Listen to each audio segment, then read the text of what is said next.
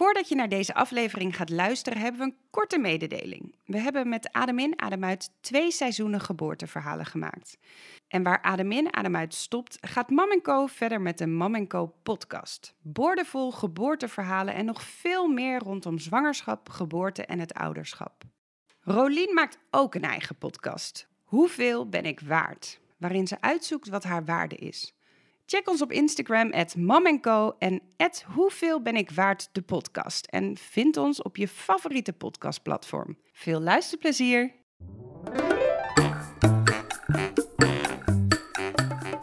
Adem in, adem uit. Een podcast over 's werelds grootste wonder, de geboorte. Met ervaringsdeskundige Rolien, want moeder van drie, en met mij, Aline. Moeder van één, verloskundige en ik geef zwangerschapscursus. We vertellen verhalen van bevruchting tot en met bevalling. En alles komt langs. De kinderwens, seks, zwangerschapskwaaltjes, die grote dag, maar ook de overgang naar het jonge ouderschap. In deze tweede aflevering mijn verhaal. Samen met René vertel ik het geboorteverhaal van onze zoon Kobe. De tweede aflevering. Ons verhaal, René. Ja, Aline. Spannend. Ja, het is altijd weer een beetje spannend, hè? Ja? Nummertje twee. Ja. Ja, Maar vertel, hoe lang zijn jullie samen? Drieënhalf jaar? ja Zoiets. zoiets. Ja. Opgevoel. Uit de, uit de losse pols. 3,5 jaar. Wanneer dachten jullie, wij, zijn, wij, wij gaan samen een kindje maken? Nou, we hebben elkaar Nou, ontmoet vrij op- snel. Ja? Nou, we ontmoeten elkaar op een festival. Maar toen had jij nog een relatie. Was ik net uit, mijn relatie. Dus toen hadden we een dikke klik. Maar ja, hij relatie dus gewoon eh, in de friendzone. Heel hard gefriendzoned. We waren ook gewoon met andere dingen bezig eerst. We waren op dating apps. Met andere mensen Oh, bezig jullie waren ook. ook nog ondertussen aan het tinderen. Ja, Ja. We, we kenden elkaar al een poosje. We Ja, maar waren gewoon bevriend. individueel waren jullie dus aan het tinderen. Ja. ja. ja. Maar we gingen wel dan met elkaar film kijken. Ja. Want dat vonden we dan wel heel gezellig. Ja, want je moet een, een man in je leven en je moet een vrouw in je leven. Ja. We zagen zo. elkaar veel, vriendschappelijk. En we gingen daten met, met, met anderen eerst nog. Ja. Ja. En toen kwam de kus. Ja. Oh ja, dat was, toen, had je dat, toen had je die eh, award gewonnen voor de Cinekid. eh, Korte film gemaakt voor het Cinekid Festival. En, eh, dat was een eh premièreavond waar alle films werden vertoond. En een awardshow. En toen hadden we eh, later die avond een feestje bij Aline thuis. en toen gingen we zoenen Ja. voor het eerst. Ja. En toen dacht ik, jezus, dat kan deze man goed zoenen. Hij heeft ook hele dikke lippen, zoals je ziet. ja, dat is zo, ja. Maar ook heel veel baard. Ja. Ja. Ja. Oh, ik zou die baard eens moeten weghalen. Zet Dan het- ziet iedereen het. dat? Nee, dat kan me niet. Nee, dat kriebelt niet. Nee, toen ook niet. Maar goed, daarover misschien een andere podcast meer. Ehm, ja, Het nee. begin. Ja, het begin. Nou, eh, we begonnen in eh, 2017. Toen is de spiraal eruit gegaan. Mhm. Eh, wij zaten eigenlijk al een half jaar daarvoor al tegen iedereen te verkondigen: wij gaan baby's maken. Maar goed, we waren nog zo druk met ik mijn bedrijf opzetten en René ook gewoon zijn wat hij is. En het was allemaal veel te leuk nog, alle kroegjes en Ja, leuke dingen doen. Dus ja we waren wel ve- veel aan het, aan het feesten. En allebei onze eigen bedrijf waren we ook heel ambitieus. Maar jullie en wisten wel, wij gaan samen kindjes maken. ja, Ja, dat, dat was, was gewoon. duidelijk. Ja, ja, Dus- ja, dat was duidelijk inderdaad. Dat, Maar de spiraal ging eruit. ja, de spiraal ging App, eruit. app, app kwam erop. De app. Ja, bij mij kwam meteen als eerste die, die, de, Oh, de, ja, ja. de, de app eh, dat je kon zien of je wanneer je ongesteld Nee, bent. die wij had je niet gedaan. Och, Ja, nou, jij wel direct? Ja, ja, ja, ja, ik zat er echt, echt bovenop. Oh nee. Nou, ik Ja. was... Nee, maar, Maar, het een, was... eh, Ik een, ging- een app die vertelt wanneer je ongesteld... Dat Ja. zie je in je onderbroek, toch? Ja. ja, dat zie je ook in je onderbroek. Sorry. Maar je ziet dan ook, rekent hij helemaal voor je uit wanneer je dan je ijsprong hebt. En klopte dat ook? Nou, dat weet, ik voel mijn ijsprong niet. Dus ik Nee. durf dat niet te zeggen. Maar ja, het is wel op deze manier bij mij, bij ons twee keer heel Ja. snel gegaan. We- Ik had gewoon een hoger libido toen ik Jij voel, ja, vruchtbaar oh ja. was. Ja, Dus ik had helemaal niks nodig. Op het moment dat ik vruchtbaar was, wilden we seks hebben. ja. En dan ging je gewoon, ja, dat is er namelijk ook wel echt de beste seks eigenlijk, Nou, toch? ja, baby wel- seks, want je baby bent- maken, ja. Ja, het is... eh, Ja, achteraf vond ik dat ook echt zo, alsof we een baby aan het maken waren. Ja. Heel con- Heel concreet. erg, eh, het is gewoon toch heel puur en zo terug naar dat, dat mega dierlijke instinct van ik wil jou en jij wil mij. Ja. En, Dat is wel waar. en het was Lekker niet, kort ook. niet eens, ja, ik wou net zeggen, het is nooit heel lang, nee. En been omhoog. Ja, benen omhoog. Toch? Ja, heb dat jij doe dat jij- gedaan? ja. Nee, heb ik niet gedaan. Nee, jij wel. Ja, Ja. 20 minuten wachten, persen naar 20 binnen, minuten. persen, ja. Kramp in je onderbenen. Niet, Ja. ja, oh, heb, absolutely. Ja. Ja. Nee joh, dat hebben wij niet gedaan. Maar is dat nodig? Nou, Maar nee. laten we even, even uitzoeken of Rolien voor lul heeft gelegen met de benen in de lucht. Nou, dat sowieso natuurlijk. Nee, Oh. het heeft eigenlijk gewoon geen zin. Want als dat sperma in je vagina is, dat gaat gewoon omhoog. Dat gaat er niet weer helemaal uit. En natuurlijk gaat er wel ook sperma uit. Maar die zaadjes die je nodig hebt, die goede, snelle mannen, die komen er wel. Maar goed, ik moet wel zeggen, ik ging ook niet direct naar het toilet of zo, weet je. Je blijft dan toch even iets langer liggen. Je, duw het naar binnen. Doe gewoon lekker die benen Pers omhoog die en maak bij er- elkaar, Precies, ja. maar maak er iets grappigs van. Waarom niet? Ik bedoel, Precies. baat het niet, dan gaat het niet. Nee. Maar hey, als je het niet doet, kun je nog steeds zwanger raken. Maar jij deed het niet. Ik deed het niet. nee. Nee, jullie nee. hadden gewoon een hoog libido en jullie dachten gewoon... baby's maken. Ja. Ja, Ja, en dat- dan- en- oh, dat was wel heel, eigenlijk best wel romantisch, hè? Want we waren in Frankrijk. Ik ben heel erg gek op kamperen in Frankrijk en Re- René inmiddels ook. Ja, dan ben ik wel een kamp- überhaupt wel een kampeerder hoor. Ja. Nou, en wij waren dus in Frankrijk en toen werd ik voor de eerste keer ongesteld nadat mijn spiraal verwijderd was. Dus Toen ook echt een wisten we momentje, ja. over twee weken. Dus dat was echt een beetje een feestje.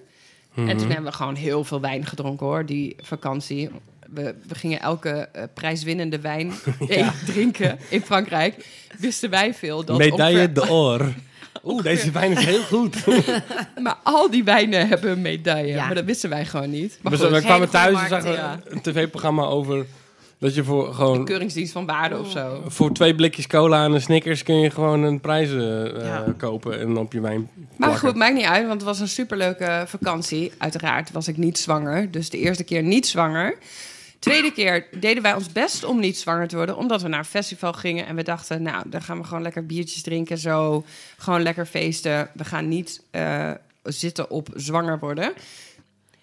Maar toen was ik ineens wel zwanger. Ja, En dat was een beetje beetje hadden we helemaal niet bedacht. Omdat wij Nee. dus speciaal geen seks hadden gehad rond die ijsprong.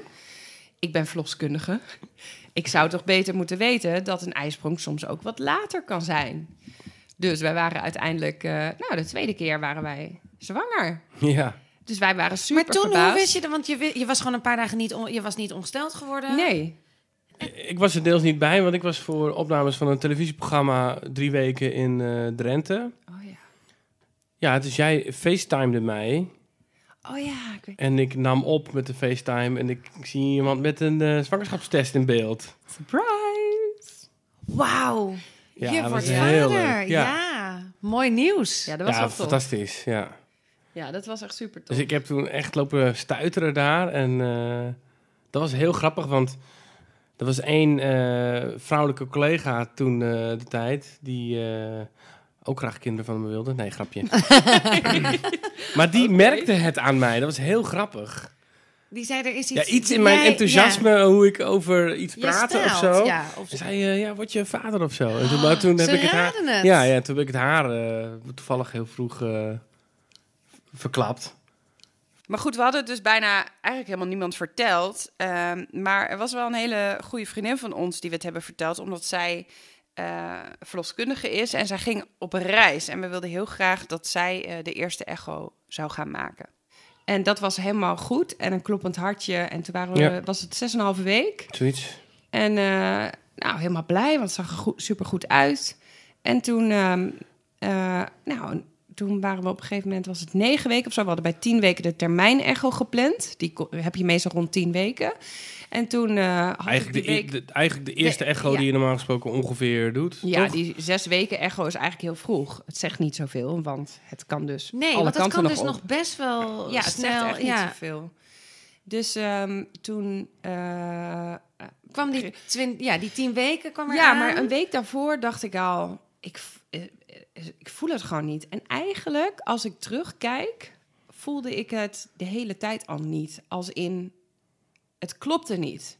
Het voelde alsof het niet klopte. En ik ben natuurlijk als verloskundige heb ik heel vaak telefoontjes gehad van mensen met een miskraam. En die zeiden dan heel vaak tegen mij van ja, ik wist het eigenlijk al. En dat in mijn achterhoofd, ik wist het eigenlijk ook al vanaf het begin dat ik dacht, het klopt niet. En toen, uh, nou, toen Mhm. gingen wij naar de echo en René was nog heel eh, enthousiast en blij. Deelde je dit inderdaad met René? Dat Nou, je- kijk, ik herinner me wel een moment in bed dat we... Want wij hebben een periode gehad dat we heel hard eh, werkten, allebei ons eigen bedrijf dus. was het toen. En dat ik dat op een gegeven moment wat enthousiaster was dan Aline, zeg maar, hierover. En dat jij op een gegeven moment ook zei van ja, het, ehm, we zijn zo druk, we zijn dit bezig, met dat bezig, het, het komt niet uit. Bij, zoiets zeiden we bijna tegen elkaar. En, maar achteraf gezien alsof het allemaal eh, ja, mentaal eh, niet nog er klaar voor was of zo. Nee, hè? ja. Hebben we achteraf eens gezegd alsof het allemaal wel ergens op sloeg. Ja. Ja, en toen gingen we naar de eh, echo-praktijk hier in Amsterdam. Eh, en toen eh, hadden we de echo en toen was het inderdaad was het niet goed. Het vruchtje was niet gegroeid ten opzichte van die 6,5 weken. Het was ongeveer zeven weken. Ze had nog een paar dagen geleefd. En ehm, nou ja, dat was En dus ook geen hartje. geen hartje. Nee. nee, En dat was natuurlijk wel ja, super verdrietig. Maar wat gebeurt er dan in zo'n kamer? De, Ja, zij- j- jij zag dat dus kennelijk meteen. Ja, Ja, Aline, Aline kan natuurlijk ook echo's eh, ja, maar jij niet. interpreteren. Jij Nee. kan ze niet lezen, denk ik. nee, en dat was ook een beetje wat de shock voor mij eh, eh, creëerde. Dat het zo snel ging. Dat twee verloskundigen, Ja. één zwanger, één die een echo doet, die allebei heel snel zien dat het niet goed is. Ze hadden echt een soort zelf- codetaal samen die jij niet begreep. Nou, dat zijn natuurlijk meer signalen dan alleen geen kloppend hartje zien. Want achter, eh, ik bedenk me nu dat zij ook eigenlijk al zag aan de grootte van de baarmoeder. Ja, dat die niet ging echt... eerst via de buik kijken. Aan de en buitenkant. Toen zei ze, ga toch maar eventjes naar het dus toilet. en ga- ja. Oh, dan en moest toen je dacht dus ik, plassen? oh ja, bij negen weken en nog een vaginale echo. Ik wist Ja. het al. Als je Ja. daar niet genoeg kan zien. Dus waarschijnlijk wist zij het ook al. Oeh, Ja. dit, ik ga nu iets eh, eh, slecht nieuws zien, zeg Ja. maar. Maar goed, dus dat hadden zij, die dames, Aline en de, flos, de, de echoscopist, allemaal door. En eh, voordat, voordat ik het wist, zaten we in de auto. En eh, Voordat je het ik- besefte. ja, ja. voordat ik het door had, Ja. zeg maar. En dat ik zelfs tegen Aline zei van... Ja, maar jullie hebben toch wel eh, goed gekeken en goed gezien? Of het, eh, Ja. dus dat was, ja... Ik had er wat minder rekening mee gehouden of zo, dat zoiets kon gebeuren. Dus ik was heel erg zo van, nee, het komt goed en ga ervoor en het komt allemaal goed. En ja, en dan ineens niet. Nee, terwijl je net al een paar weken helemaal aan het voorbereiden bent van ik, wij worden ouders. Ja. Na Ja. deze echo zou je het gaan vertellen aan vrienden, bij Ja. wijze van spreken. Ja, Nou, we hadden, je- het al, we Ja. hadden het al gedeeld met onze ouders en broers en zussen. ja. Ehm, dus dat je- was, toen, toen gingen we iedereen bellen. Ja. Het is niet goed. En dat was natuurlijk super verdrietig, maar ook heel fijn. Wij vonden het echt super fijn om het met iedereen te delen. We hebben zelfs nog daarna, we hebben een hele eh, hechte vriendengroep. En we hebben zelfs achteraf, hebben wij in de appgroep gezet van... hey, eh, jongens, willen jullie wel, we willen jullie vertellen dat we een miskraam hebben gehad... Want we willen gewoon met jullie hierover praten en dat vinden we fijn. Terwijl we daarvoor nog dachten, oh, dan gaan we lekker geheim houden... en dan gaan we dat bij tien weken zeggen. ja. Ja, maar dat is ook, weet je wel, je moet er maar mee omgaan, hoe je ermee omgaan. En Zeker. het is oké. En uiteindelijk heb ik een curettage gehad, dus een operatie gehad om het vruchtje weg te halen. Want we hebben twee keer met van die eh, medicijnen geprobeerd en dat werkte niet. Het kwam ook niet vanzelf. Mhm. En toen uiteindelijk, na best wel een aantal weken, hebben we een operatie gehad. En eh, dat ging super vlot. En eh, nou, Is eigenlijk... dat, ehm, is dat heftig, zo'n ja, nou, ik vond dat niet heftig, maar ik kan ook echt heel nuchter en rationeel over dingen zijn. Dus, en, en die hele zwangerschapshormonen waren gewoon na een aantal weken... Ik bedoel, het werd natuurlijk al minder bij die negen weken... maar op een gegeven moment voelde ik me gewoon echt niet meer zwanger. Dus het was puur het mentale ding en dat kon ik heel goed loskoppelen. Dat ik dacht, Ja. oké, Ja. die, Ja. die zwangerschap is niet doorgegaan. Het is puur een vruchtje. Het Ja. voelde niet meer als... Ja. Of ik, ik had niet het gevoel van, ik heb nu een dode baby in mijn buik Nee. of zo. Ik, Eh, ik was daar iets minder goed in, zeg maar. Voor mij eh, voelde dit achteraf wel als een hele, nou, toch wel een beetje ellendige, lange periode van het nieuws dat het niet goed was, tot aan dat alles weer eh, wel goed was. Ja, ja, ook om dus die medicijnen, dat werkte niet, niet ja, en toch het ziekenhuis in. Dus het werd, Ja. je werd echt een beetje Medisch, medisch. ja. ja. En, en dan ook een, een gynaecoloog die je niet kent, die dan ook nog een echo moet doen. Oh ja, en dat dan, komt er ook bij. En dan, dat, dat snap je heel goed, want hij moet natuurlijk vaststellen dat het inderdaad zo is. Maar hij stelt iets vast wat voor ons al lang zo was. Ja. Weet je wel, dat is allemaal van die ja, de klote dingen. Ja. Ja. En dan, dan zit je dus bijvoorbeeld in, ik noem maar wat, het. En dan ga je dus naar de verloskunde gynaecologie. En dan zie je daar ook inderdaad buik. Ja, het is gewoon een rare, een beetje Ja. een raar sfeertje. Ja. Hangt. Er, er blijft maar een soort wolk boven je hangen. Ja. Van oké, oké, Ja. get rid of it. Maar Je wilde eigenlijk ook gewoon er klaar mee zijn. Nou, toen was dat uiteindelijk achter de rug. En dat was gewoon... Ja, dat was gewoon oké. We waren natuurlijk best wel verdrietig van. Maar Ja. goed, je gaat gewoon je door. gaat door- Precies. En toen heb ik Word je dan acht, meteen onder... Oh ja, acht dat- weken. Acht weken. En ik ja. zei echt, het was een zondagochtend, weet ik nog. En toen zei ik tegen René... Oké, ik ben nog steeds niet ongesteld geworden. Dit duurt echt super lang. En toen echt, smiddags... Ik ging naar het toilet en ik was ongesteld. En ik zei direct, "Oh, ik ben ongesteld. En René was toevallig aan het bellen met een, een vriend van ons. En eh, die zei, oh, Aline is ongesteld. En hij had echt zoiets van, oh my god, oké, superleuk. Ja, bedankt Ja. voor deze informatie. Ja. Maar dat was jullie go. Van, ja, want, Ja. Je wil, want het is natuurlijk wel zo, volgens mij, als je dan een...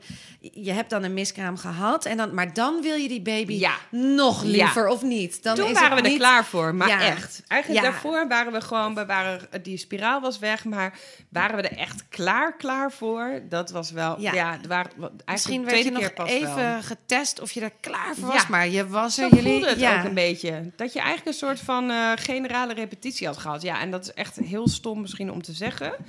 Maar dat was, mijn, dat was een beetje mijn gevoel. Dus ik wil niemand daarmee tegen de borst stoten Nee. of zo. Want ik bedoel, iedereen ervaart het natuurlijk weer anders. Maar mijn ervaring ja, was gewoon... Oké, hè, dit is gebeurd, super verdrietig. Maar we gaan door. Ja, We weten dat we eh, zwanger kunnen raken. ja. Dus jouw lichaam was er helemaal klaar voor. Jouw Precies. zaad was ook goed aanwezig. Ja, Daarom. dat is wel eh, dat wat gaf- je dan wel als positieve eruit. Ja, dat is heel Ja. gek, maar oké, het werkt. Ja. Dat is dan mooi. Ja. En je kon ook, weet je, je bent dan ook nog bewuster bezig met gezond leven en eh juiste vitamines Ja. en sporten. Ja, we waren gewoon best wel toen, eh, ja, ready, zeg maar. Nou, en dus de, ongesteld geworden. En dan weet je, over twee weken ben je vruchtbaar. Nou, inderdaad, nou hebben we dat Kwam die fijne seks weer, ja, precies, oh ja. ja. Deze nog precies, een goede vriend van ons, die was, was jarig. En toen hadden we een feestje. En daar toen, ik denk dat het toen was gebeurd. Zoiets, toch? Ja, dat, dat kun je ongeveer ja. uitrekenen. Dus je was, sorry, je was dus, het was meteen gelukt. Het was Ja. meteen gelukt. Ja. Dus na die hele periode van eh, die medicijnen, geen miskraam, Eerste Ziekenhuis, keer ongesteld. curettage, eerste keer ongesteld, twee weken later eh, zwanger. Ja, Zo. En toen Ja. voelde het dus wel goed. Ja? ja. Het, voel, het ja was een gewoon. verschil. Groot verschil. Ook bij Ja. jou, René. Eh, Nee, ja, hij, jij was wel onzekerder juist. Ik bedoel, wij waren, bedoel, Ja. we waren echt onzeker. Want we hebben natuurlijk een miskraam gehad. Dus Ja. voor, weet je wel, wij Dus hadden gaat- eens, we zien wel. en dan wel een slag om de arm, zeg maar. Ja, bij- deze de- tweede Bij de zwangerschap. zwangerschapstest was het ook, ik stuurde René een appje. Met, ik denk dat ik misschien wel zwanger ben. En jij zei, ja, met hartjes. Ik zei, ja, ik denk het wel. Het was een heel licht streepje, maar Ja, echt zo heel voorzichtig. Zo van, nou oké, is maar eens... eh, Streepje is een streepje. een streepje is een streepje. Maar ik dacht echt, nou, het zal wel niet. Maar toch, ja, het klopte gewoon. En toen ging ik ook een koffie drinken met, met Ingrid. Dat, was, dat is onze verloskundige geweest. Dat is een vriendinnetje van mij. En Ingrid zei ook, Aline, jij weet ook wel... Ook, maakt niet uit hoe licht dat streepje is. Maar een streepje is gewoon een streepje. En je bent gewoon hartstikke zwanger. Ja. Nou, ja, daar was ik wel echt super blij. En ineens ruik je ook alles veel sterker. En ineens is het gewoon dat je denkt... oh, wacht, oh, die koffie, dat stinkt, weet je wel. Herken je dat? Dat is ineens een soort van mentaal ding. Ja, iedereen heeft het natuurlijk anders. Maar ik dacht ineens, "Ugh, geen koffie, geen vlees. had jij niet dingen die je dan helemaal niet meer wil, of heel erg wel wilde? Ja, ik heb wel echt heel slechte dag voordat ik... eh, ja, misschien moet ik het echt niet vertellen, maar de, de dag voordat ik bij de laatste een zwangerschapstest ging doen, die avond ervoor heb ik echt nog één glas rode wijn gedronken, omdat ik dacht, ja, godsamme, ik net van die, van die, van die borstvoeding af en, en, ik, en ik wist gewoon inderdaad dat ik zwanger was. Dat voelde ik ook. Dus Ja. ja. toen heb ik nog één glas rode wijn. Nee, verder heb ik niet heel veel gekke... mm, Ik heb geen augurken gegeten of geen gekke geuren. Citroen? Nee, was Zuurkool? Ah, ik krijg echt water in mijn mond als ik dat zeg. Van, van Zuurkool en citroen. lekker. Ja, dat wilde ik Oh, alleen maar. Echt? Oh, en weet je wat ik ook echt had? Water met ijsklontjes. Puur water met Ja, ijsklontjes. Beetje ijsklontjes citroen. hoor je wel vaker, hè? Ja, ik, Aline zat nog niet op het terras. In Wij ja- wonen in Amsterdam-Oost bij de Javastraat. En wij zitten altijd... De hele zomer hebben we bij, ehm, bij eh, Café Wolters gezeten. En zij wisten precies... Old Ik, Woodbridge, ja. ik, Ja, ja, zitten. groot glas water met ijsklontjes en citroen. Komt eraan. Hoeft helemaal niks te zeggen. Wij besloten om voor een geslachtsbepaling te gaan. Al boeide het ons eerlijk gezegd niet heel erg. Is naar een jongen of een meisje, maakt ons niet uit. Al vond iedereen dat wij een meisje kregen. Dus Ja. ik was overtuigd dat we een meisje kregen. Dat is zo'n raar ding trouwens, even tussendoor, voor een man. eh, Of tenminste, voor mij. Het is zo ge- Mensen hebben dan echt een gevoel bij je wat het gaat worden. En iedereen dacht, het wordt een meisje. En dat is, ik vind het zo fascinerend, want het is nergens op gebaseerd. Niemand Nee. weet dat. Maar ik denk Ja, dat maar als oh, dat jullie wordt echt een meisje. Ja, het, oh, ik zie het, eh, het wordt een meisje. Nou ja. Dus eh, toen dachten wij, weet je, we gaan nog eens terug naar de echoscopiste die de miskraam had geëchoed. En toen zei zij, nou Aline, je ziet het vast al. Zag ik jij zei- het meteen? Ja, ik zag het best wel, ja, ik zag het best Ja, wel leuk, snel, hè? Terwijl ik zei, nou, we krijgen een meisje. Hoe dan? Nou, we hebben een NUP-theorie. Als mensen dat niet weten, Ja. google dat maar eens. Ja. ja, of maar- Google het niet, ook hey, trouwens. doe het niet, want het zegt eigenlijk niks. Nee, allemaal nou, ik dacht. Of wij waren heel slecht. Ik Wacht heb maar gewoon even. koffiedik gekeken. Ik dacht Oh, alleen ja? maar meisjes, meisjes, meisjes. Nou, jongens, Ja, ik heb jongens, een jongens. eh, ritueel gedaan. Dan ben ik naar, naar het bos gegaan. en eh, daar heb ik eh, een, een, een bos door je takken de lucht in geflikkerd. En eh, hoe het op de grond landde, zag ik dat het een jongetje werd. Ja, zo koffiedik Werk, kijken. bij mij Ja. 100% eh, correct. Dus zij Zo ging echoen en zij zei... Aline, zie maar even, kijk maar wat het is. Ik zo, Ja. het is een jongen. En wat? Nee, ja, nee, nee, zo Nee, ging oh. het niet. Oh. Jij, jij sloeg je, je handen voor je mond. En ik deed met mijn handen... Ik weet niet meer wat ik... Nou, nee, we, we hadden volgens mij bedacht dat, omdat Aline dus ook, ook echo's kan interpreteren, zou ze dan niet gelijk zeggen wat het was. Dus dan mocht ik. En dan hadden ze een trucje bedacht dat ik dan ook eh, de constatering kon doen. En eh, dat werd dan met het echo-apparaat, met de probe, heet dat? Dat ding wat je... Hij dat weet ook alles, hè? een man van de verloskundige, die Ja. weet echt alles. Die is zo met eh Ja, vaseline in. veel, ja. Ja, dus die, die, dat eh, deden ze een onderaanzicht. Dus ik keek zeg maar op een beamer naar een scherm Ja, van de echo. De billen. En ja, de, de heupjes en je twee voetjes zo. Ja. Dus je keek van onder iemand Ja. door, tussen Was zijn voeten door naar boven. of was er een, een hamburger? Ja, Juist. Zoiets. En zij zei, nou René, wat zie jij? En je zag echt zo'n een stippie in een stippie en een streepje. Ja. Nou, dat ziet eruit als een lul, zei ik. Ja, dat klopt. In mijn herinnering vond ik het heel duidelijk. Gewoon echt zo'n zo'n echt een penisvormpje zo. Ja. Echt balletje, balletje, piemeltje zo. Ja, super En toen zei ze inderdaad, jullie krijgen een jongen. Nou, dat was zo, dat was zo tof. Ja, voor jou was het gewoon... Nou, dus dat was 50-50.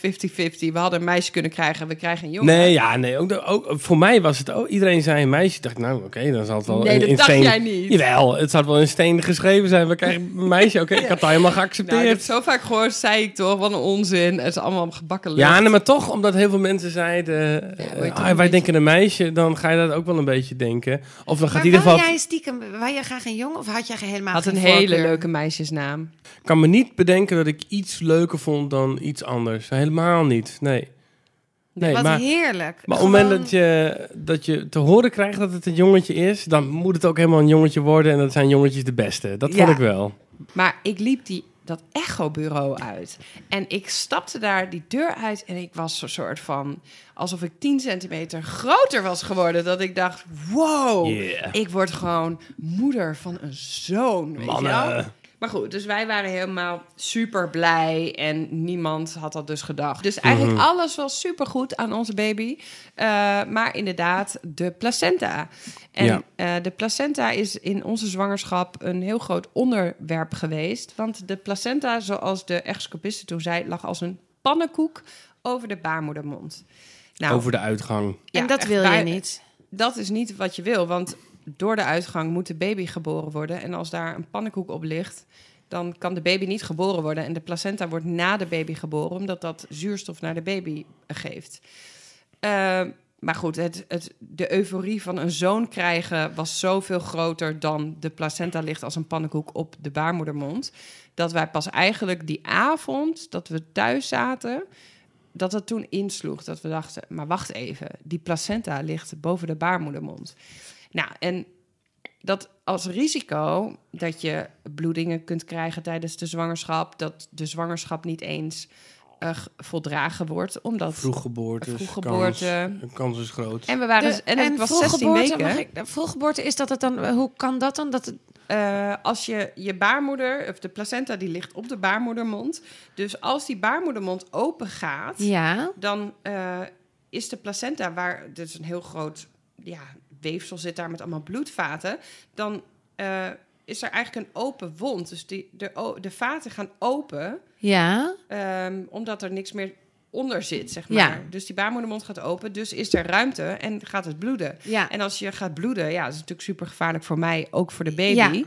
Eh, en bloed triggert de baarmoeder om weeën te gaan maken vaak. Dus het kan, ik bedoel, de kans dat ik te vroeg ging bevallen was best wel heel erg groot.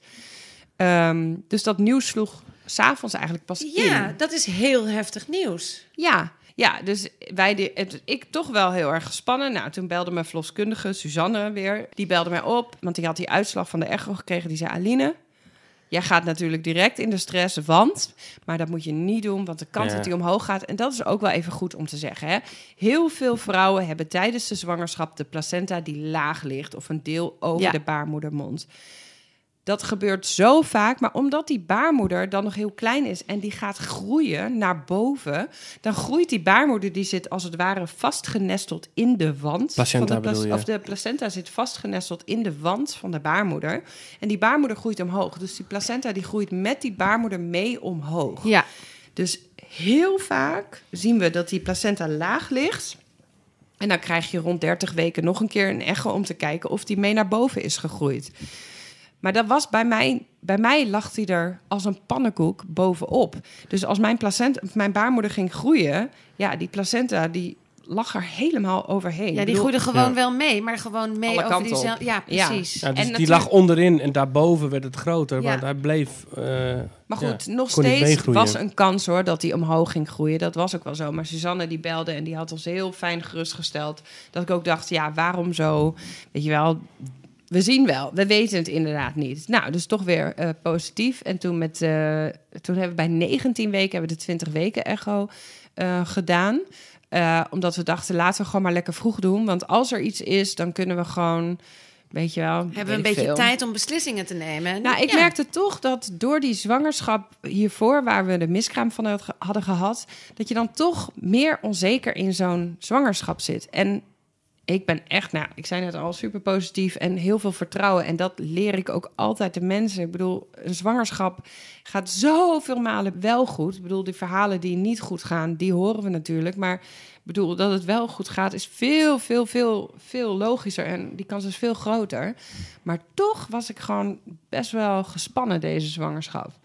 Ja, en vooral die, die periode daarna, neem ik hem even van je over, sorry, maar de 20 weken echo was heel goed, met wat extra aandacht voor de placenta. En daar zeiden ze wel echt eh, van, ja, dit, dit zien we niet zo vaak. Nee, hij lag Maar- dus nog steeds voor de Ja, uitgang. en, en, en helemaal. Dus hij was onderin gaan liggen en helemaal niet meegegroeid. En, en, en met de 20 weken zei, zeiden ze, 20 weken echo zeiden ze wel echt van, eh, deze ligt onderin, erop, op de uitgang en dat blijft hij. En dat En wisten ja. ze toen al helemaal zeker. Dit wordt geen vaginale bevalling. Nee, dus, Nee, dus toen, was, dus toen, we, toen hoorden dat we dat het klap. definitief een Ja. geplande keizersnede Ja. zou worden.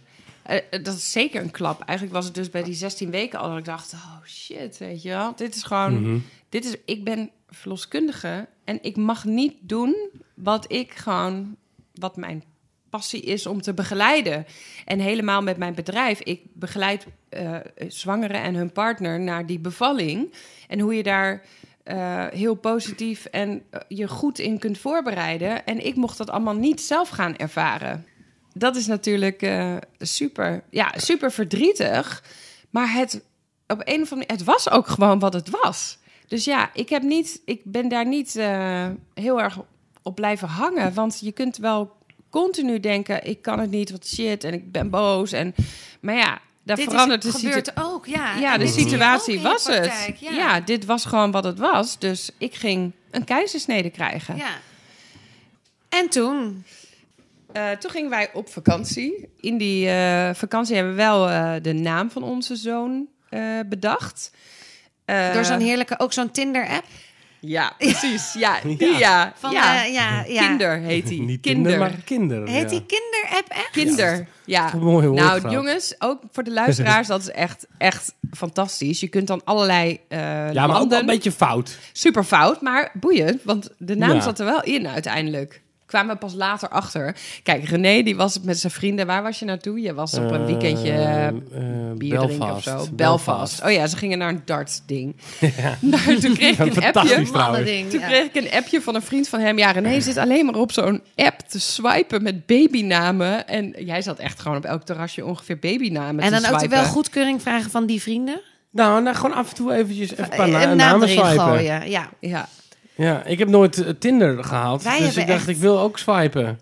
Ja, ja dat de snap ik. Dat zou ik ook willen doen. Ik heb het ook gedaan. Maar ik vond die, ik was echt na twee minuten al klaar met die app. Wij Nee, hadden hem op een gegeven moment wist- uitgespeeld. Die, oh ja? Ja. Kan dat ook? Ja. dat, en dan begint Ja. het opnieuw Nou, weer. toen gingen we de Game of Thrones namen doen. En toen... eh, Eh, ja, was de Lord of the. Rings, daar kreeg Oh ja, dat was E- het. Ejaldervoer en, eh, Toen werd het echt te ingewikkeld. Ja. Ja. en eh, Boromir. Nee, dan is het klaar. Waar waren we? Ehm, ik, ik, door die placenta mocht ik dus niet te veel eh, intensief bewegen. Omdat als je dat ging doen, dan kun je bloedingen Kans, gaan krijgen. En die kans was super groot.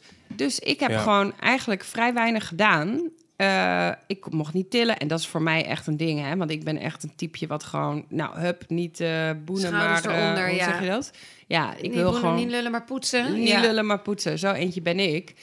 En eh, dat was best wel moeilijk, hè? En dan dingen loslaten. En dan, Ja. we hebben echt een gesprek gehad van... hoe moet ik dat nou doen, weet je wel? Want ik wil het allemaal doen. Terwijl René zoiets heeft, ja, als jij het al gedaan hebt... je neemt alles voor me weg, zeg maar. Nou, ik moest echt dingen uit jouw handen pakken, letterlijk. En heb ik echt letterlijk gedaan. Meerdere van je gaat nu zitten op die bank. Ja, maar gewoon best wel bijna gewoon... Nou, ik, ik, ik ben boos geweest op haar. Van waarom sta je nou weer dit Ja, te, dat is ook een risico voor zijn kind. Ja, dus Ja. het was ook heel, helemaal niet oké. maar in ieder geval, ja, ik moest daar echt in groeien. Ik denk dat veel mensen dat wel zullen herkennen. Dat je gewoon moet... Je moet gewoon leren hoe je rustig aan moet gaan doen. Want ineens ben je niet meer alleen maar jezelf... maar je bent Ja. ook het oventje van de baby. Ja. Dus je moet ineens ook voor iemand anders gaan zorgen. Dus die, die, die shift Ja. moest nog even gemaakt worden. En, ehm, eh, maar goed, dus dat was het ook, weet je wel. Je leeft ergens naartoe, hele onzekere periode. Tot ineens ben je echt aan het aftellen. En dan voel je echt, wow, weer een week erbij, weer een week erbij. Ehm, Ja, en je bent wel op dat moment ook natuurlijk na die, na die 24 of met die 20 weken, je bent ineens medisch. Ja. Dat blijf je dan ook. Ja. Dus je komt nog steeds bij je verloskundige. Ja. Maar je leert ook je gynaecoloog kennen. ja, ja. Wij hadden niet zo, er gebeurde niet zoveel in de zwangerschap. Behalve dat als ik bloedverlies had, moest ik direct bellen. Ja. Maar als ik geen bloedverlies had, gebeurde er niks. En ik mocht niet sporten en ik moest echt wel rustig aan gaan doen. Ehm, maar voor de rest hoefde ik niet extra zorg. Ik hoef geen, niet superveel extra echo's of zo. Want ja, je kunt toch niks veranderen Nee, en je was ook is. niet medisch in de zin dat er iets met jouw bloed wa- met- Nee. of andere dingen waren. Nee. Er waren geen, er waren geen andere kwaaltjes kwamen erbij. Nee, precies. Het was gewoon... Het was gewoon pech van die placenta. Precies. Verkeerde plek. Dus nou, ja, wij kwamen de eerste keer bij de gynaecoloog of zo. Dat was bij, nou, ja, volgens mij de eerste keer was het al bij 25 weken of zo. En ik dacht, ja, ik wil gewoon één keer daar geweest zijn. Ja. En toen de, de tweede keer was het bij 34 weken. En toen gingen we ons geboorteplan. We hadden samen een beetje een plan gemaakt. Ja. En ehm, meer met wensen van wat wilde ik allemaal. Nou, ik wilde echt de super fijne keizersnede met dat ik de baby zelf uit mijn buik mocht halen en dat hele plastic scherm. Dat kan. Ja, het gebeurt nog niet op heel veel plekken dat je de baby echt uit de buik mag halen, maar het is gebeurd in Nederland en ik denk dat daar ook wel misschien een tendens naartoe gaat dat dat meer wordt, maar dat hè, weet ik niet zeker. Eh, maar ik wilde niet zo'n scherm. Ik dacht, ja, dan zie je je baby achter zo'n doorzichtig scherm. Dat voelde zo. Oh, ik had een filmpje gezien daarover en ik kon alleen maar huilen toen ik dat Want je filmpje gaat je dan wel dus ook inleven op YouTube, bij wijze van Ja, spreken. tuurlijk. Je gaat wel met z'n tweeën dan filmpjes Ja. kijken. Nou, je gaat dat ja. wel een beetje plannen. Zeker Of- toen, het, toen die zwangerschap wat verder vorderde, de- de- ging je wel echt kijken naar wat, ah, wat gaat het dan voor ons worden. Ja. Dat doe je wel, ja. Maar Ja. ehm, nou goed, een heel plan. En we kwamen bij de gynaecoloog en we zaten daar en dachten, nou, oké, gaan het plan bespreken. Toch wel een beetje spannend of zo, terwijl ik haar kende, weet je. Ik had haar gekozen. Of je, bedoel, je kunt niet echt een gynaecoloog eh, kiezen, maar ik ben natuurlijk... Ik kende mensen, Ja. dus ik dacht, ik wil bij haar. Dat voelt gewoon goed. En dat lukte ook. Ja, je Lukte kon daar ook. gewoon, er was een plekje Ja. vrij. Juist. En eh, toen zei zij ook van ja, weet je wel, ja, de, de kans dat dit allemaal lukt is gewoon niet zo groot. Je kan niet je baby zelf uit je buik halen, kan gewoon niet. En ja, Het, scherm zou ertussen blijven. Ja. Ze Je bent gewoon echt medisch. Ja, ik was Mega super medisch. medisch. eh, ja. Echt een, gewoon een operatie. Ja. Echt, ja, want bij mij was het risico heel erg dat ik veel bloed ging verliezen. En Ja. Ja. uiteindelijk heb ik ook wel veel bloed verloren. Maar het hele risico met zo'n placenta, die laag is helemaal in de onderste eh, kant van je baarmoeder, zeg maar. Gaat je ba- kan je baarmoeder minder goed samentrekken. Ehm, waardoor, en dat is nodig, om als je baarmoeder moet heel goed samenknijpen, een soort van wond die zichzelf dichtknijpt, als het ware. En dat hele onderste uterussegment, zoals dat heet, daar heb je veel minder van die, ja, hoe zeg je dat? Nou, eh, weet ik even niet hoe ik dat eh, moet zeggen, maar je kunt er kan het minder goed samentrekken. Dus je hebt meer kans op bloedverlies als je placenta laag ligt. Ehm, dus er was simpelweg, het was gewoon simpelweg super medisch. Is het dan eventjes ook zo dat... Want ze maken dan die snee, zeg maar, het, helemaal onderaan je buik. Ja, Maar Ja. daar ligt die placenta. ja dat Dus was een gingen- ding. Ja, ze moesten door die placenta heen om bij Kobe te komen. Ja. En Kobe lag ook nog eens in stuit. Ja, het was gewoon heel medisch. Maar ik leer dus mensen eigenlijk altijd van... ja, wat zou je nou eigenlijk gewoon willen? Wat voor wensen heb je omtrent die bevalling? En bespreek dat met je partner. Maar ga dan met je verloskundige of met je arts bespreken. Want eh, ja, goed, als je dat bespreekt... dan weet Ja, je ook gewoon waar dan je weet aan ook toe iedereen het. En iedereen Ja. wat je wil. En Ja. meestal is dat helemaal niks spannends. En Nee. bijna iedereen wil een beetje hetzelfde. Maar een geboorteplan, ik denk... Ik denk, dat het, ik denk dat het heel belangrijk is om te realiseren dat als je een geboorteplan hebt, en daar zijn wij living proof van, hou je niet vast aan zo moet het precies gaan. Kijk, het heet een plan, maar eigenlijk kun je een geboorte natuurlijk niet plannen. En zelfs bij ons, we hadden allemaal dingen die we heel graag wilden, maar Wat wil je dan echt heel ja, echt graag baby eigenlijk? zelf uit mijn buik halen. De Oh, baby ja. direct bij mij op de borst. En niet eerst met de kinderarts mee. En toen zei onze gynaecoloog... Die zei ook van ja, je kunt wel... ehm, eh, eh, Dit zo heel graag willen. ja, maar ik kom er niet Maar door bij de kinderarts. nee. Want de kinderarts, deze discussie heeft wel vaker gevoerd. Het lukt gewoon niet. Dus ik kan je nu al vertellen, we gaan die discussie niet doen. Nee, nou, je moet ik- dus echt je plan aanpassen dan op zo'n Ja. moment al meteen. Precies, maar ik was, bedoel, eigenlijk alles wat wij, waar ik mee kwam, van dit wil ik graag, zei ze, ja, dit lukt echt niet. Maar omdat zij het kon beargumenteren waarom niet, was ik daar oké mee. Ja. En wij, waren wij daar oké mee. Nou, en je gaat waarschijnlijk weer met elkaar in gesprek. Van oké, dit dan? plan mag dus niet. Of Nee, kan wat niet kunnen we helemaal. dan? Wat gaan we dan doen? Ja. Ja, en het feit dat, al, dat we al die vragen hebben kunnen stellen. En, eh, Ja, veel Ja, gesprekken. goh, Er zijn dus wel heel veel gesprekken gevoerd. Ja, ja. Maar goed, dus niks van het geboorteplan kon. Maar eh, uiteindelijk kon ook wel weer heel, Heel veel. veel, We ja. moesten het gewoon bijstellen. Maar er waren ook gewoon opties van ja, wat als ik een ruggenprik krijg en wat als ik eh, onder narcose moet, als ik toch te veel bloed ga verliezen, hoe doen we dat dan? En hoe is dat dan voor René daarna? Hè? Wat, hoe, hoe gaan we dat? Ja, Wat, wa- Ja, wat, wat kon jij doen? Wat, Nou, eh, wat ik kon doen, dat had te maken met het scenario dat op een gegeven moment ontstond. Door al deze afspraken hè, kregen wij een beetje een beeld van wat er ging gebeuren. Namelijk, ze moesten dus verdoven door de buik, door de spieren, door de vetlagen. eh, de vetlagen, René. nee, Ah, ja. nee, sorry. Zat een sixpack hoor, op dat moment. Daar, Nou, daaronder. sixpack. Mm. Ja, nou, Nee, maar, daar, eh, daar zat een babytje, maar ja. Je, heel- je, hebt, je hebt al die lagen, moeten ze doorheen. En dan de, de baarmoeder eh, opensnijden. Daar zat de placenta. En daarna de rug van, van Kobe. Dus- oh God, Dus zij wisten, ze moet die placenta kapot maken. En zij zeiden, op het moment dat wij dat doen, daar het- begint de race voor Ja, ons. want dan eh, krijgt het kindje dus geen zuurstof meer. en ook omdat om die placenta gaat bloeden, Aline gaat bloed verliezen. Er was een kans, omdat Kobe aan de placenta zat, dat Kobe bloed ging verliezen. Dus er waren infusen voor Aline, er waren infusen voor Kobe. Super medisch was het. Ja, dus, dus eh, zij, zij hadden ook een speech, eh, echt gewoon met de hele mensen in de OK. Ja. Van, Oké jongens, dit is de zaak, zo gaan we het doen. Er, de, er was wel een scenario waarbij ze dus dit plan hadden, hoe ze het moesten doen. En als het slecht zou gaan met Aline, waar een kans op was, dan zou Aline onder na- volledige narcose gaan. En dan zou ik alleen met Kobe na de geboorte mee. En dan waren wij even van elkaar gescheiden, Ja. zeg maar. Dat waren wel dingen die wij van tevoren dan eh, te horen kregen, Ja. zeg maar. Dat, uit dat, OK. we hadden de worst Maar- case scenario, zat best wel, zeg maar, om maar gewoon rekening te houden met, was dat best wel een hoog ding. We waren wel continu positief van het komt allemaal goed, Ja. maar je houdt gewoon continu wel rekening met wat als. Ja. Want wij wisten natuurlijk wanneer die ging komen. Bij 39 weken en twee dagen heb ik een keizersnede gehad. En de avond van tevoren was ik ineens heel verdrietig. Omdat ik dacht, wij gaan deze baby zo ineens uit mijn buik halen. En ik had dus het idee dat dat kindje gewoon super lief en fragiel was. En dat wij gewoon, weet je dat het heel heftig voor hem zou zijn. En die nacht hadden we best wel goed geslapen allebei. En toen ehm, moesten we om half zeven ons melden in het OVG West. Het had een beetje een vibe van een grote vakantie, weet je wel. Ja.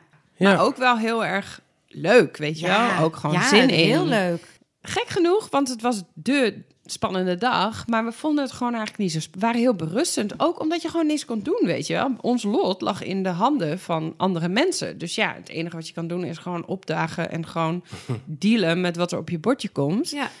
En dus we waren eigenlijk heel ontspannen. Half zeven waren we daar in onze uh, suite. Ja, met een, met een, dat vond ik ook zoiets aparts. Met een lege maxi cozy. Ik had nooit zo'n in mijn leven zo'n ding vastgehouden. Nee. Je had hem ook nog nooit vastgemaakt, waarschijnlijk. Nee. ben niet eens verwoest. Nee. Maar ja, toen kwam het dus... Een hele eh, grote kamer. Ja, dus een Kraamkamer. be- er kon een bed in en er was dan een bank. En daar kon dan René, die kon dan, dan uitschuiven en dan kon René daarop slapen. Want we, als je een keizersnede gepland hebt, dan blijf je, weet je ook, daar blijf je dan twee nachtjes in ons geval bleven we slapen. Minstens, ja. Ja. Anyhow. Dus wij gingen, eh, waren daar om half zeven. En toen gingen wij om een uurtje of half negen of zo, of kwart over acht, mochten we naar de operatiekamer. Nou, dan kom je daar aan en daar beginnen al die operaties, weet je wel. Dus er liggen allemaal andere mensen. En toen ehm, kwam de gynaecoloog. En eh, nou, ironisch gezien was onze gynaecoloog op die ochtend ziek.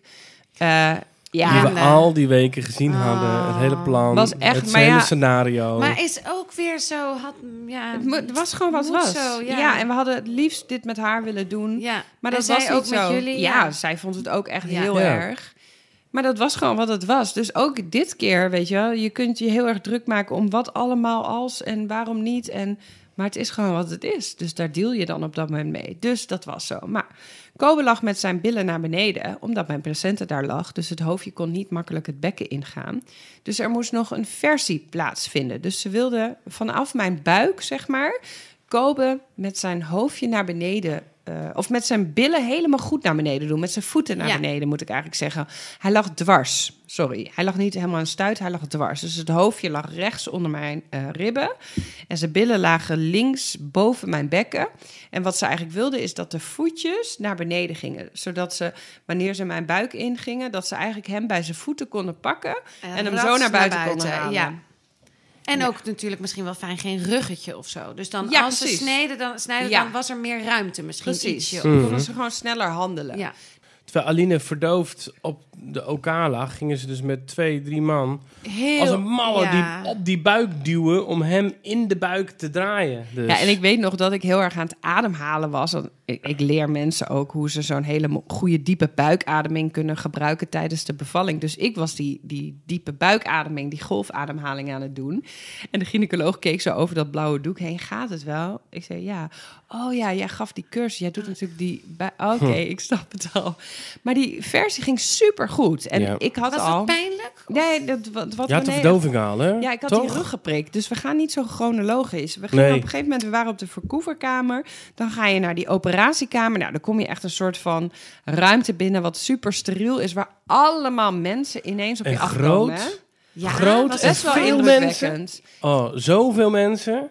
Kijk, wij hebben Er waren wel natuurlijk... 15, 16 mensen of zo. Wauw. Nou, misschien overdrijven. Waarschijnlijk Nou, niet. Veel. Nou, waarschijnlijk niet zoveel. Maar in zijn beleving, en dat was dus wat het was. was Dat vond, toen vond ik het echt spannend worden. Toen we daar op de elkaar kwamen. Maar groter dan deze woonkamer. Veel groter. ja, Nee, een stuk, nou, wel nou, hij was een stukje groter dan dit hoor. Iets is groter. Ja, wel iets is Maar groter. goed, we hadden dus een gynaecoloog die dus ziek was geworden. Dus we kwamen binnen en er stond een vrouw met de handen zo... met de, met de buitenkant van je handen Ja, handen naar je toe. En ze had natuurlijk een kapje op. En, en helemaal een, een, En zo'n petje. En, en, een, en, een, een, en een spatscherm vanaf de kin. Nou, omhoog naar de ogen zo. En zij, en zij ze met die handen zo naar je toe. Hallo, goedemorgen. En haar hadden we dus niet gezien. Nee. Zij was een gynaecoloog van die dag. Maar goed, het was Maar best wel... het is wel zeker indrukwekkend wat je zegt. Zo'n Ja. spat, ik zie dat al helemaal voor. Bijna Ja. een filmscène. Nou ja, Alsof Ja. je in Grey's Anatomy eh, En, terecht eh, was gekomen. Ja, en, en ik werd bij Aline weggehaald, de, de anesthesist. Die pakte mij echt een beetje zo vriendschappelijk op de schouders. Kom jongen, we gaan hier even in de hoek staan. Dan mag je straks weer terug naar je vriendin. Ja, Maar ik ben best wel een stoere. Alleen ik zat daar en ik dacht, ik krijg een ruggenprik. Wat, het voelt eigenlijk een soort van alsof iemand een soort van een duim in je rug duwt. En dat geeft een heel naar drukkend gevoel. Ik vond het eigenlijk gewoon een beetje tegenvallen. Ik bedoel, Ja, de pijn Heel- tegenval, dat het pijnlijker was. nee, het dan was helemaal niet Nee, pijnlijk. Het deed absoluut geen pijn.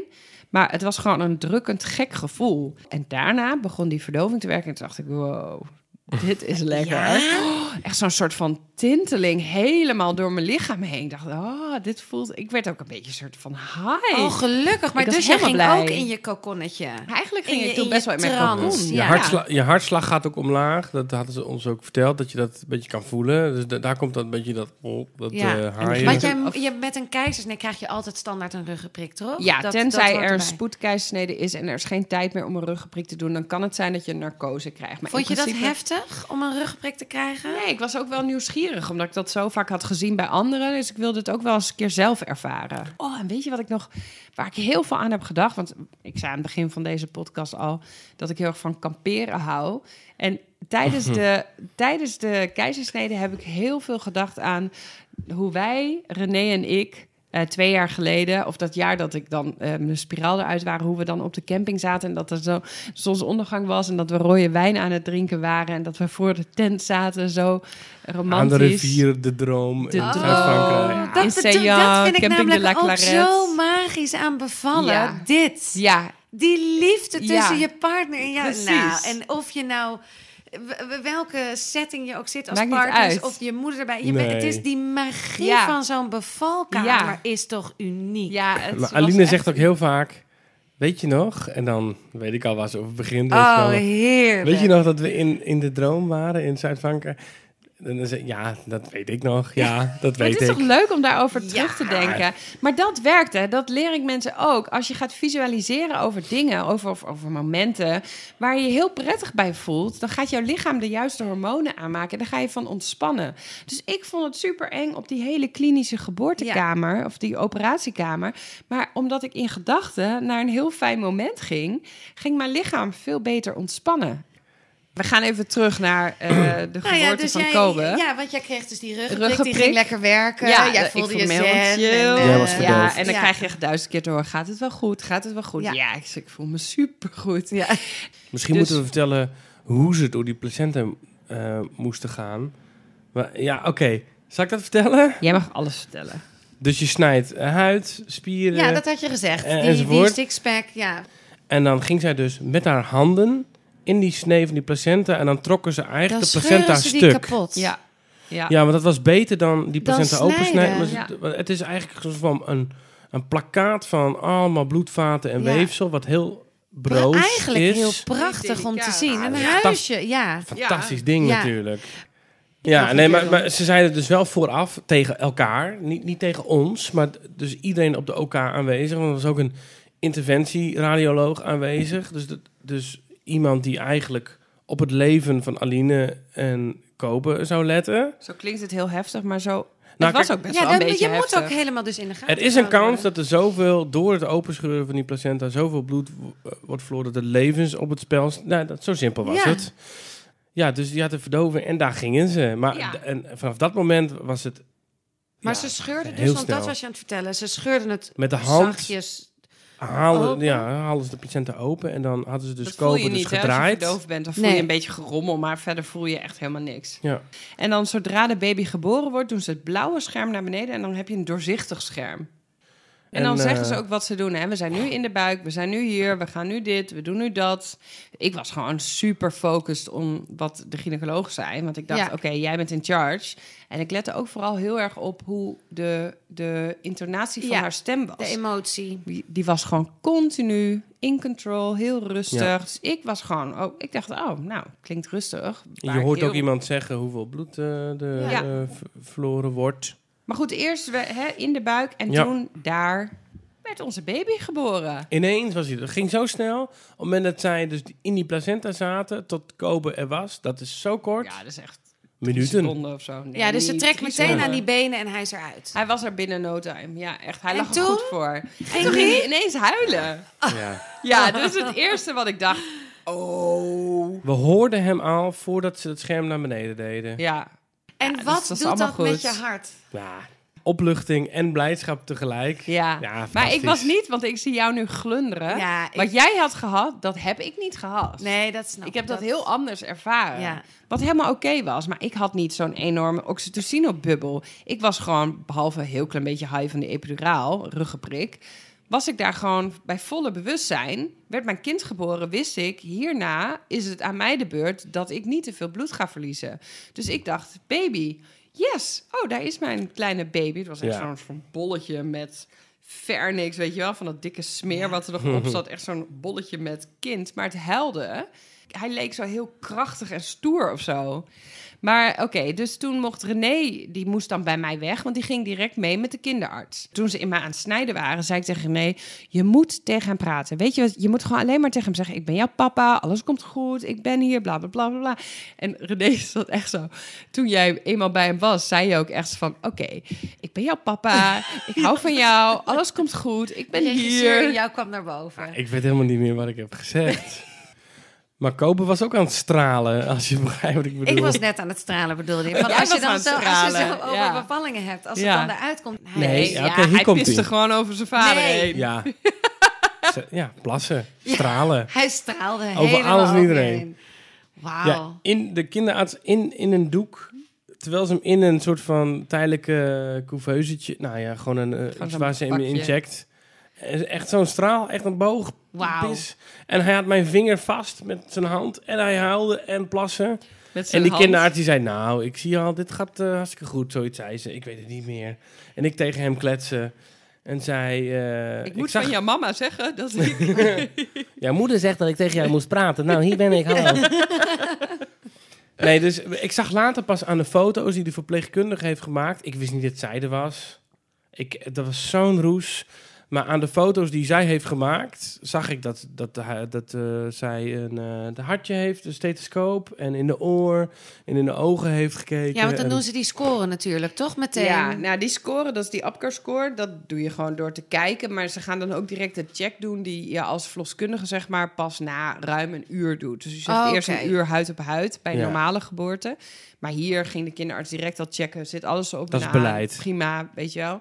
Oké, dus voor mij, eh, hoe ik het heb ervaren, dit was dus René's ding. Die was met Kobe. in een kamertje ernaast. Helemaal Ja. veilig en Ja. goed. Maar jij was nog even spannend. Ja, dus ik wist, Kobe is goed. Ik was continu aan het luisteren naar de gynaecoloog. En die waren zo rustig. En ze zeiden, oké, we zitten nu op 900 milliliter. We zitten op 1200 milliliter. En zo telden ze zo een beetje op. Mhm. En ik dacht, oh, het gaat allemaal wel prima. Het is wel goed. Dat is bloed. Bloed. Hoeveelheden ja, ik heb veel bloed? verloren. Normaal verlies je ongeveer 200 milliliter. Ik wou net zeggen, Ik dat heb is ongeveer best wel... 2 liter verloren. Wauw. Is veel liter bloed, bloed. maar we gingen daar ook van uit. Dus eigenlijk viel het gewoon mee. Want dat was gewoon waar we van uitgingen. En dat is het ook geworden. Ja. Ik kwam dus terug met Kobe bij Aline. En ik, ik ging weer aan haar Heel eh, hoofdeinde trots, zitten. Dan kwam die echt zo met zo'n Ah. mandje, of zo'n zo'n mannetje in die doeken. Ik zei, naar kijk dan, toe. kijk dan Aline, Oh. kijk dan wat ik heb. Ah, wat- Ja, eh, dat smelt wat je een wel. liefde is Ja, dat, hè? dat smelt je wel. Oh. Ja. Ik vind het Kijk ook dan, nog steeds... Het, je kan toch niet geloven dat het van, van lucht, bij wijze van spreken... van een zaadje en een eitje... Van en dan, niks naar dat, nee. ja. Daar- dat is Ongelooflijk, hè? toch- nee. Ik, Ik ben dus met hem naar Aline gegaan en hem een beetje zo geprobeerd te geven. Maar Aline lag echt zeggen, ja... Ze half in mijn handen vast, dus ik kon ook niks. Hij lag Nee. zo op mijn borst. maar toen en heb je hem gewoon zo tegen je hoofd. zou Die verpleegkundige heeft Kobe van mij afgepakt en die zei van, hier, ik leg hem wel even bij de moeder neer. En, Jij was gewoon Nee. ook waarschijnlijk helemaal van de ja, wereld. ik, ik, ik gaf hem een beetje, ik wist helemaal niet wat ik moest, hoe, ik hem, hoe ik hem bij haar moest leggen. Maar dat heeft zij eh, gedaan en toen... eh, ja, terwijl ze met Aline bezig waren, toen deed hij zijn ogen open en eh, ja... Ah, eh, een ontmoeten. kleine Benjamin Button hoor, sorry. Maar ik, ik, baby's, ik vind alle baby's prachtig. Sommige mensen vinden alle baby's minder mooi. Ik vind ze allemaal mooi. En die van ons was ook super mooi. Maar het was echt wel een heel klein oud mannetje. Ja, en het ging eigenlijk gewoon allemaal... Ik bedoel, ik kijk, Ging zo snel. het is niet de Ook. bevalling ge- geweest in een bad met kaarsjes aan... en die enorme oxytocine-bubbel waar je helemaal in kan slurpen... helemaal in kan duiken. Die hebben wij niet gehad. Het was een hele medische op bestelling bevalling... Ja. Waardoor wij ook wel, tenminste ik, de, de hele periode na de geboorte heel anders heb ervaren. Het was gewoon heel erg. Oké, het was gewoon Aline en René met een baby. En niet eh, de wereld is ineens anders. Ik dacht gewoon, oké, als ik moeder ben zo, gaat mijn hele leven veranderen. Is de wereld anders? Nee, dat is dus ook gewoon is gewoon zo. bullshit. Is Ja. helemaal niet zo. is gewoon eh, precies hetzelfde als die dag daarvoor. Maar toch ook weer niet helemaal. Omdat je wel je bijna geen leven meer zonder Kobe kan herinneren. Nooit. Nee, dat wil ik ook helemaal Nee. niet. En mijn leven is echt duizend keer leuker met hem. Gewoon omdat hij er ja. is. Alleen er is precies weinig veranderd. Ja. Maar de ene die ervaart het heel heftig en de ander niet. En ik heb gewoon simpelweg niet heel veel last van de hormonen huilen? gehad. Ja, Tijdens de, na, na de bevalling? ja zeg maar, nou, tuurlijk. dus- ja? Komt René in zijn OK-pakje met zo'n mutsje op... met een humbeltje aan, aan de, de Benjamin Jij ook, Button. René? Ja, En niet huilen, maar ik, ik was wel echt volgens mij moest jij onwijs... wel huilen. Nou, nee, volgens mij niet. Huil Geen dan. tranen, maar... Wel dan.